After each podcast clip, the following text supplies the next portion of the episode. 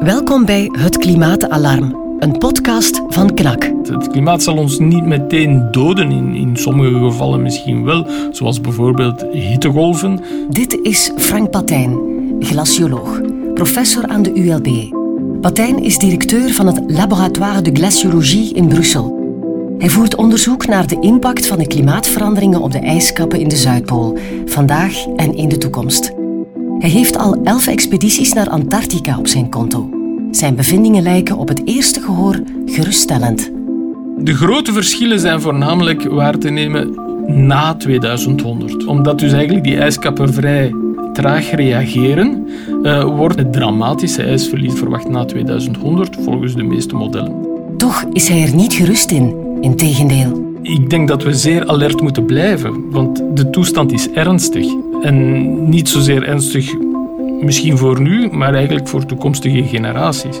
Als Patijn een raad zou mogen geven aan onze politici, dan dringt hij aan de rapporten van wetenschappelijke organen als het IPCC of het Intergovernmental Panel of Climate Change ernstig te nemen. Men mag niet vergeten dat in de jaren 80, en dat is dan naar het eind van mijn studies en na mijn studies, dat is eigenlijk ja, eh, het het eerste IPCC-rapport al is uitgekomen. Dat dus eigenlijk al duidelijk wees op uh, die veranderingen in het klimaat en de, de gevolgen ervan. Wat er toen is voorspeld, wat de gemiddelde temperatuur zou zijn in 2020, dat is nog perfect bewaarheid geworden. Ik ben Francesca van Tiele en u luistert naar Het Klimaatalarm van KNAK met Frank Patijn. Gsm staat op trill of op... Hij staat af. Ja, perfect. Op vliegtuig. Goed, wat leert het ijs ons? Het ijs leert ons heel veel. Want eerst maar moet men aannemen dat er verschillende soorten ijs zijn. En ieder type van ijs heeft een andere functie binnen het klimaatsysteem. Bijvoorbeeld de oceanen die zijn bedekt met bevroren zeewater. Dat is dus zeeijs en het volledige Noordpoolbekken is daarmee bedekt. En anderzijds hebben we landijs. En landijs is bijvoorbeeld het ijs van gletsjers of het ijs in ijskappen zoals Groenland en Antarctica. Ja, dat ijs is zoetwater. Dat is niet bevroren zeewater. En dat is gevormd door de accumulatie van sneeuwkristallen door de eeuwen heen en de duizenden jaren heen. Die hebben ook dus een volledig verschillende functie.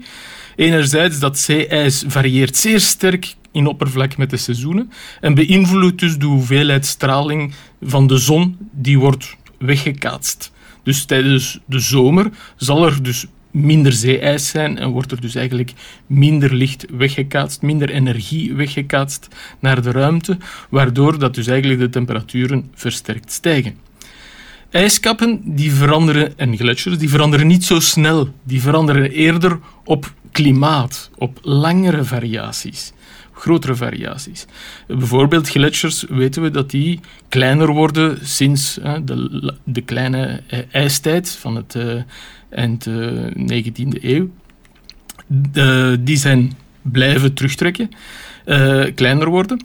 En anderzijds, ijskappen, Groenland, Antarctica, die kennen momenteel ook een verlies van ijs. En dat ijs doet iets anders, namelijk het afsmelten ervan en het afvloeien van het smeltwater zorgt ervoor dat de zeespiegel stijgt. Maar als glacioloog, u bestudeert ijskappen. Wat vertelt dat ijs? Ijskappen vertellen twee verhaaltjes. Enerzijds uh, reageren ze op het klimaat en op lange periodes van het klimaat. En anderzijds zijn ze ook een archief van het klimaat. Uh, in het centrum van Groenland en in Antarctica, waar het ijs, die ijslagen ongeveer drie tot vier kilometer dik zijn, uh, zijn ijsboringen uitgevoerd. En die ijsboringen die laten toe van die uh, van na te gaan wat het klimaat in het verleden was. Ja, en hoe ver terug in de tijd kan u dan gaan? Uh, het verste dat we ooit zijn gegaan is dus 800.000 jaar. 800.000 jaar. Ja. En, en, hoe zag de wereld er toen uit? Uh, 800.000 jaar, dan hebben we dus een, een serie van uh, een zes, zevental cycli van glaciaties, dus grote ijsuitbreidingen. En interglaciaties.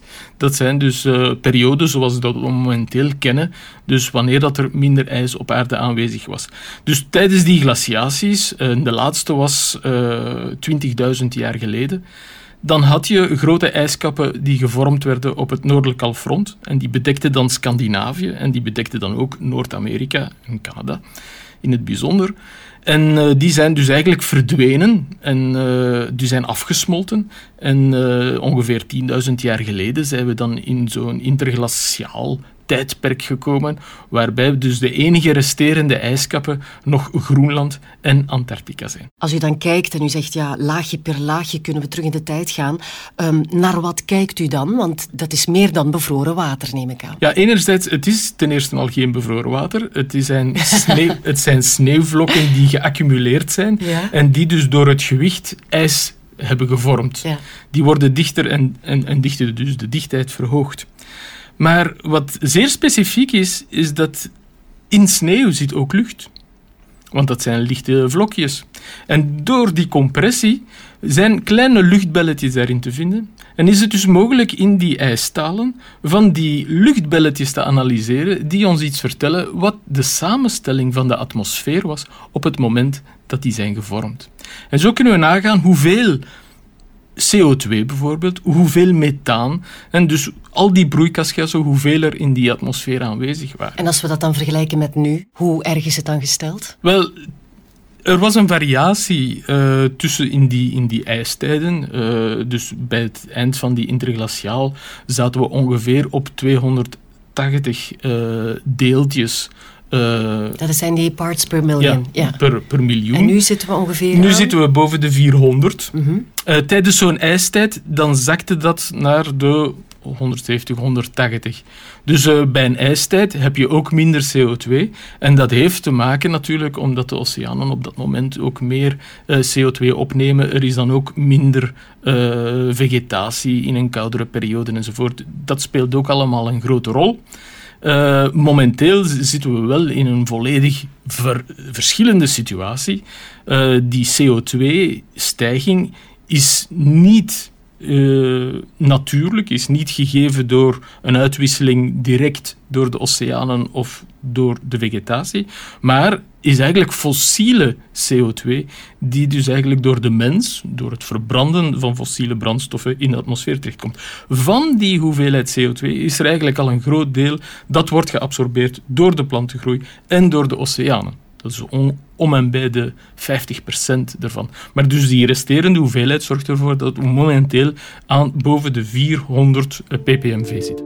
Op Antarctica, het continent rond de Zuidpool, is voor het eerst een temperatuur gemeten boven de 20 graden. Zondag was het. U bent elf keer op Antarctica geweest, waar u onderzoek doet naar de impact van het klimaat op de ijskap. U heeft daar vastgesteld dat delen van Antarctica destabiliseren. Wat betekent dat? Dat betekent dat ze zeer snel ijs transporteren van het binnenland naar de zee. En je kan dat een beetje vergelijken met een, een fles met een kurk erop. Uh, het zijn dus drijvende ijsplaten waar het, uh, de, ja, die ijskap in uitkomt, die dus eigenlijk ervoor zorgen dat het ijs in het binnenland blijft vastzitten. En als je die dus destabiliseert of afsmelt langs de oceaan of, uh, of wat anders, dan is het zoals men een kurk uit een fles trekt. Dan versnelt dus die ijsbeweging. En dat is wat we op heden ten dagen al op enkele plaatsen in Antarctica waarnemen. Wat ervoor zorgt dat eigenlijk Antarctica een ijsverlies kent in zijn geheel en dus positief bijdraagt tot de stijging van de zeespiegel. Hoeveel ijs ligt er op Antarctica? Het is een groot cijfer. Het is 30 miljoen kubieke kilometer ijs. Dat is het equivalent aan ongeveer 57 meter stijging van de zeespiegel. Als al het ijs op Antarctica zou uh, smelten. Ja. ja. 57 meter. 57 meter. Natuurlijk is dat niet iets voor morgen, is dat eigenlijk ook moeilijk. We eh, mogen niet vergeten dat Antarctica al 35 miljoen jaar bestaat. Uh, en in zijn huidige vorm ongeveer 15 miljoen jaar. Um, dus al dat ijs zal natuurlijk niet afsmelten, maar ik bedoel, we moeten niet wachten op 57 meter natuurlijk. Uh, een meter of enkele meters zijn al ruimschoots voldoende om te leiden tot zeer dramatische effecten. Hoe zit het dan in het noorden, in het Arktisch gebied? In het noordelijk halfrond, in het Arktisch bekken, is het zeer duidelijk dat zeeijs wordt altijd maar minder en minder. En zal dus volgens de voorspellingen uh, tussen 2050 en 2100 voor een groot deel verdwijnen. Welk effect zal dat hebben? Het effect is dat het nog sterker de, de, de, de toename van de temperatuur uh, uh, beïnvloedt. Dus uh, met, met het feit dat gans dat Noordpoolgebied dan hogere temperaturen gaat hebben, waardoor dat dus eigenlijk ook een risico is dat bevroren ondergrond, permafrost, versneld ook gaat afsmelten.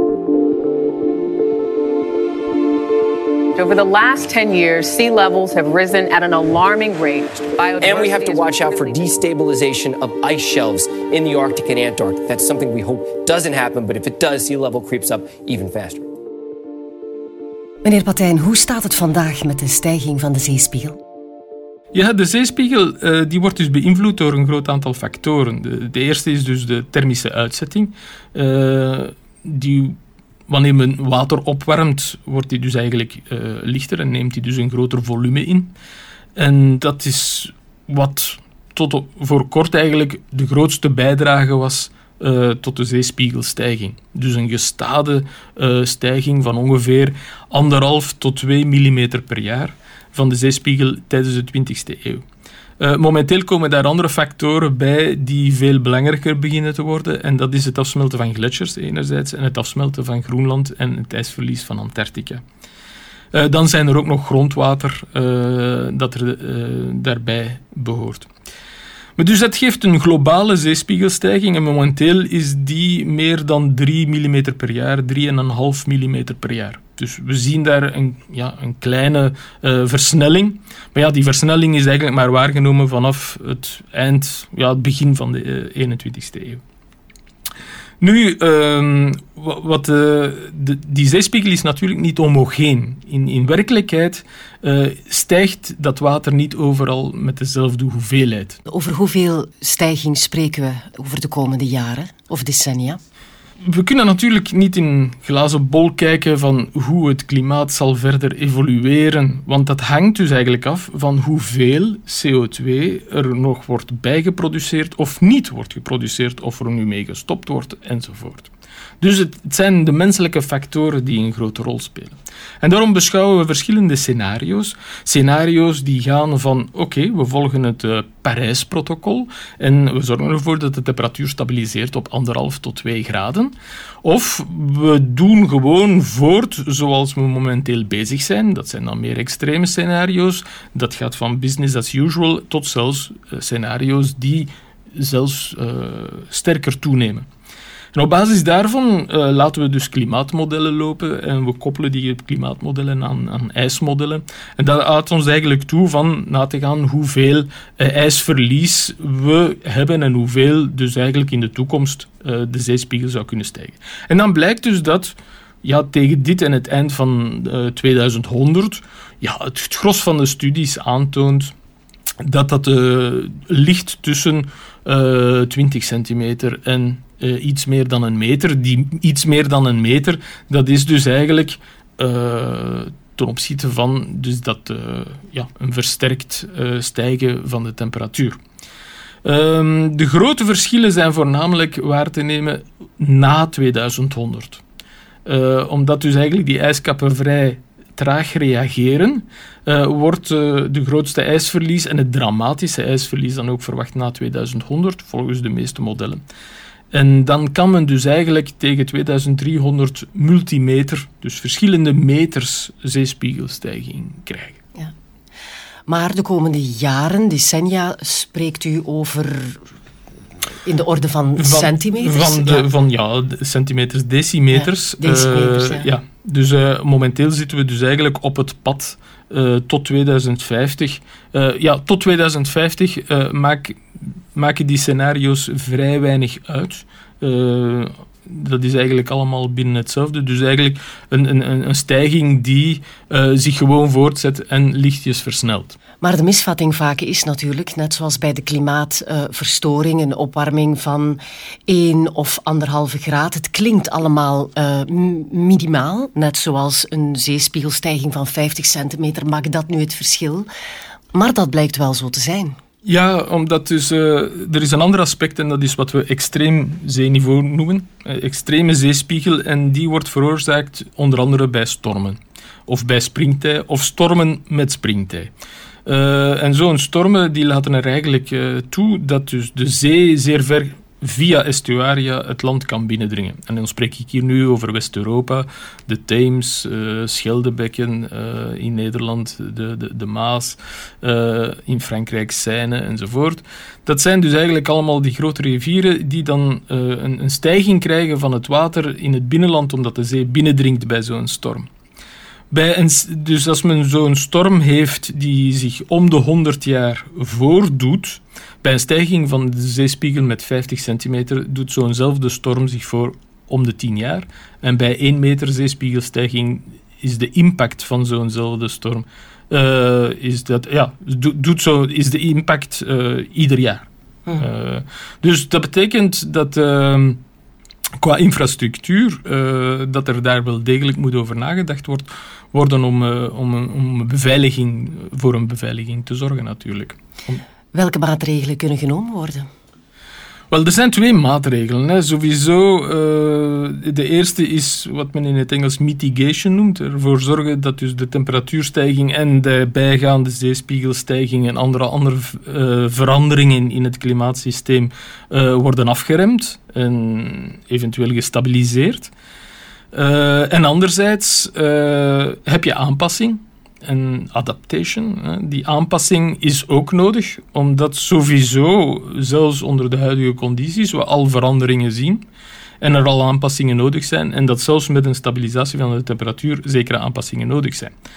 Nu kan men zich afvragen, uh, ja, waarom moeten we dan beide doen als we sowieso moeten aanpassen? Wel, op een gegeven moment kan dat natuurlijk bij een blijvend stijgende temperatuur, kunnen we deelse destabilisaties van ijskappen niet uitsluiten en dus eigenlijk een versterkte zeespiegelstijging ook niet uitsluiten of ook andere factoren in van de klimaatverandering niet uitsluiten, die dan wel zorgen voor een, uh, grotere problemen, waardoor dat dus de aanpassing gevoelig duurder wordt dan de, de mitigation die we moeten uitvoeren. Doet België voldoende om uh, de kusten en ook de oevers van bijvoorbeeld de Schelde te, te beveiligen?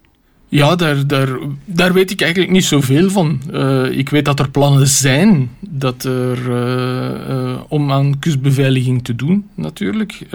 het is zeer belangrijk voor instanties om het nauwlettend in het oog te houden, wat bijvoorbeeld wetenschappelijke rapporten en rapporten voor beleidsmakers, zoals het IPCC, wat die naar voren brengen in verband met toekomstige scenario's. Want het zijn dus die guidelines die noodzakelijk zullen zijn om aanpassingen en investeringen te doen.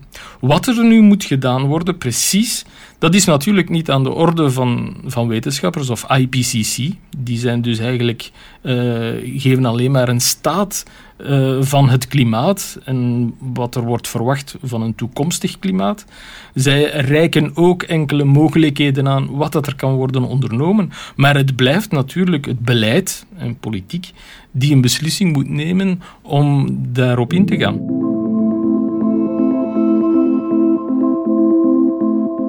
Ik ben Bert Bultink, hoofdredacteur van KNAK. Met het klimaatalarm brengt KNAK het belangrijkste vraagstuk van onze tijd terug waar het hoort te zijn, in het centrum van de aandacht. Niet omdat Greta Thunberg het zegt, maar omdat het letterlijk levensbelangrijk is. Voor ons allemaal.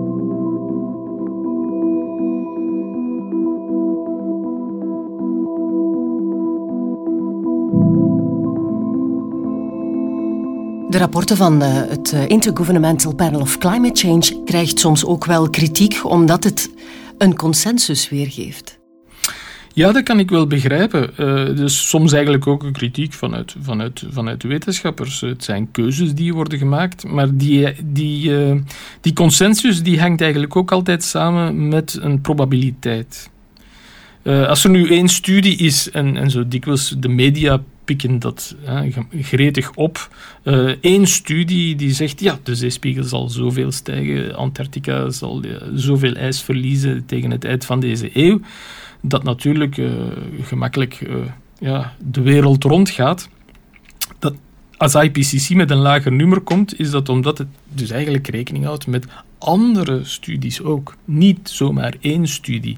Dan wordt ook die studie gekaderd, uh, is in het volledige rapport. In die samenvatting is dan eigenlijk ook te lezen wat dat dus eigenlijk de pro- en de contra's zijn van die studie. Uh, wat maakt dat, die, dat wat weten we eigenlijk over de mechanismen die bijvoorbeeld in zo'n studie worden, worden gebruikt? Uh, en als onze kennis daar onvoldoende is, dan zal IPCC dat dan ook onderschrijven. Onze kennis is daar nog onvoldoende en dus zal het eerder, komen we met dit als het beste gemiddelde uit. Dus een gemiddelde is eigenlijk altijd een, een consensus, is eigenlijk altijd iets dat uh, geen extreem gaat geven, maar dat neemt niet weg en dat wordt dan ook duidelijk geschreven, dat extremen niet uitgesloten zijn. Maar men mag niet vergeten dat in de jaren 80, uh, en dat is dan uh, naar het eind van mijn studies en, en na mijn studies, dat is eigenlijk ja, het, het eerste IPCC-rapport al is uitgekomen. En dat dus eigenlijk al wees duidelijk wees op die veranderingen in het klimaat en de, de gevolgen ervan. En eigenlijk zijn die, die eerste studies en die eerste uh, prognoses van de temperatuur die toen zijn gemaakt, die zijn nog volledig geldig voor de dag van vandaag. Dus uh, wat er toen is voorspeld, wat de gemiddelde temperatuur zou zijn in 2020, uh, eh, dat is nog perfect bewaarheid geworden. U verwacht van onze politici dat zij hun beleid enten op de rapporten van het IPCC. Doen zij dat voldoende?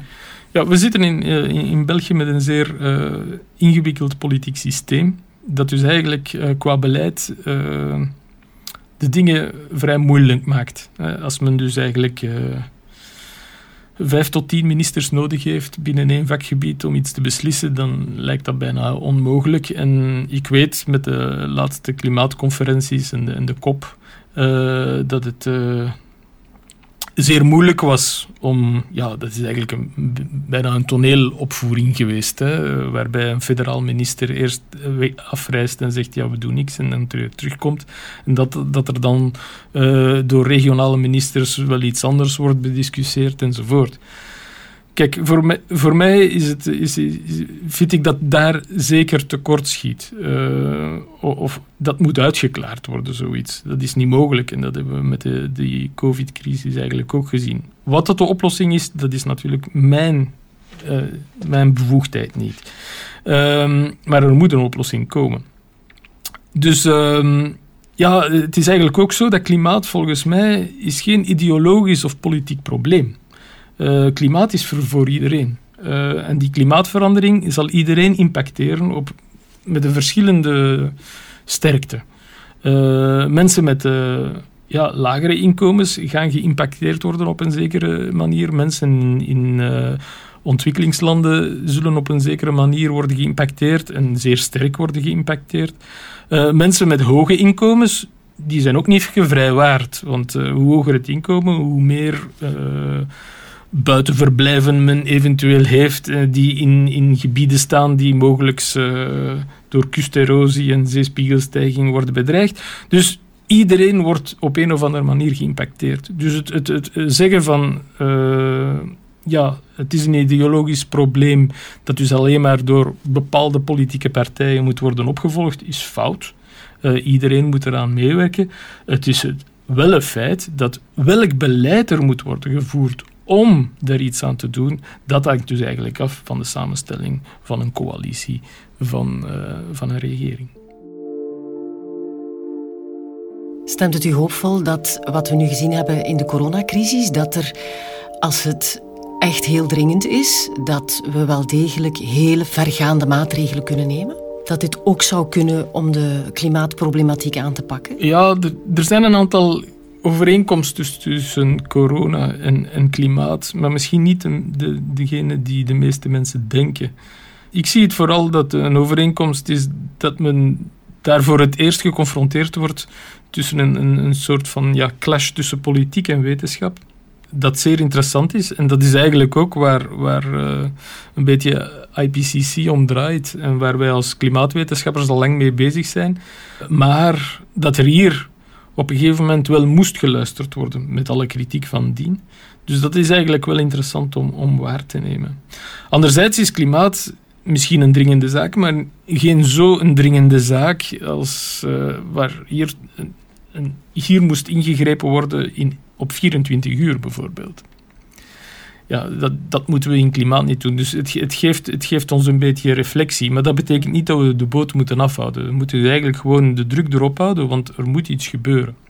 En uh, ja, ik, ik, ga er wel van uit dat uh, het, effect van corona op uh, de globale wereldeconomie, dat dat eigenlijk ja, iets, iets biedt dat, ja, dat we een andere richting kunnen ingaan. Of, of, of bijstellen op zijn minst.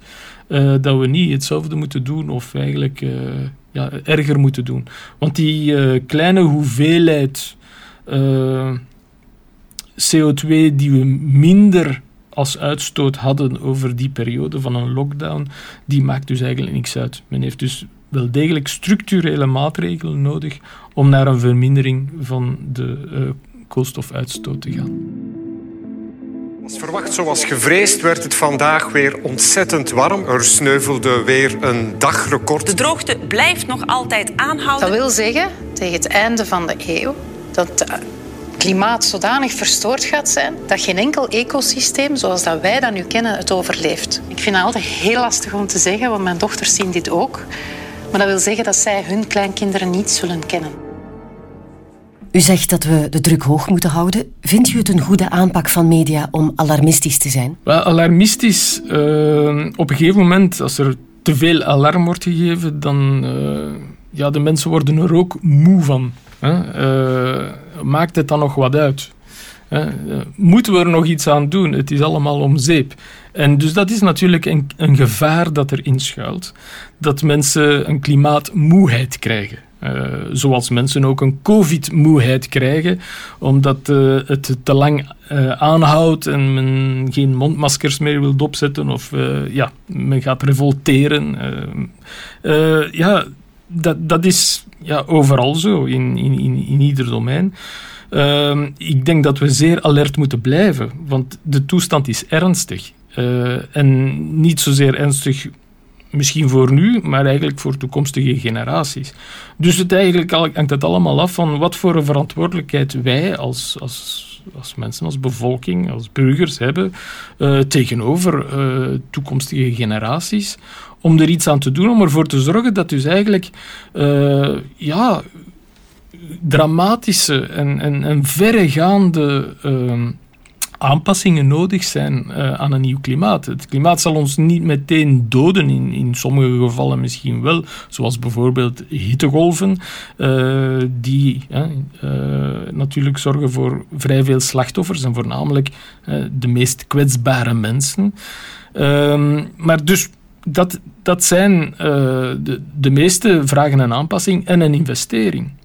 En dus dat heeft dan ook eigenlijk uh, een weerslag op de economie. Als men zo'n grote investering moet doen. En ik denk dat uh, COVID dat ook heeft aangetoond. Dat wanneer er iets moet ondernomen worden, dat er grote investeringen noodzakelijk zijn. Waardoor natuurlijk men ook in een economische recessie terechtkomt.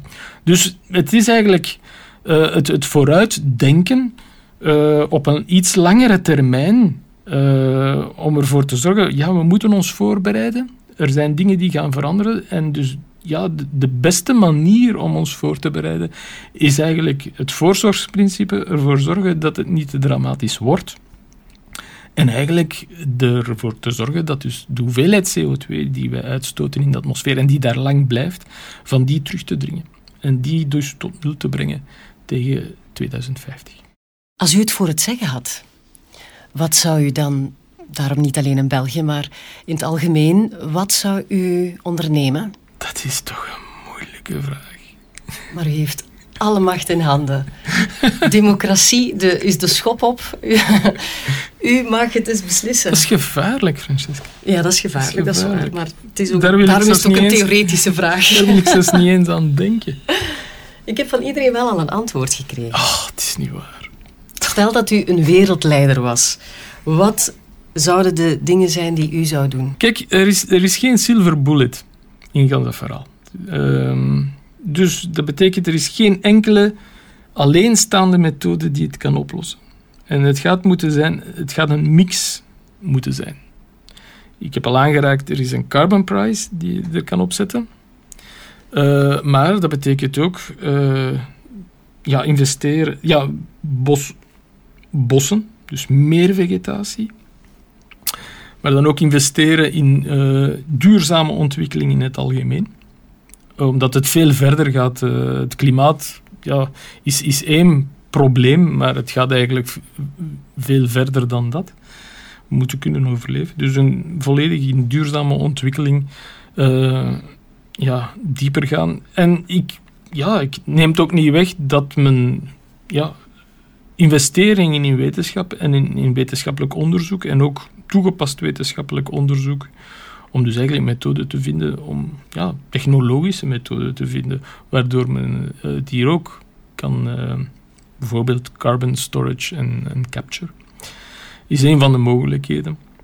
Maar eh, het, het, is zo dat we, ja, het is, het is een mix van, van die verschillende middelen die er zal nodig zijn. Oké, dankjewel. Ik vond het heel boeiend. Merci. en we gaan ook iets drinken, want je hebt dorst.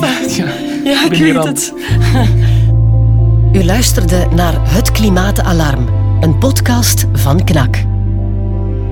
U leest meer over het klimaat op knak.be en download gratis het snedig essay van klimatoloog Jean-Pascal van Ipersele en knakjournalist Dirk Drouwlands. Luister je graag naar het vervolg van deze podcastreeks? Abonneer je op Apple Podcasts, Spotify of je favoriete podcast-app. Tot volgende week, dan spreken we met biologe Sarah Vika. Daar is weinig twijfel over dat zeker politici in, Vlaanderen ja, ver tekort schieten, want ze investeren veel te weinig in de transitie. Ze willen zelfs de Green Deal van Europa tegenwerken.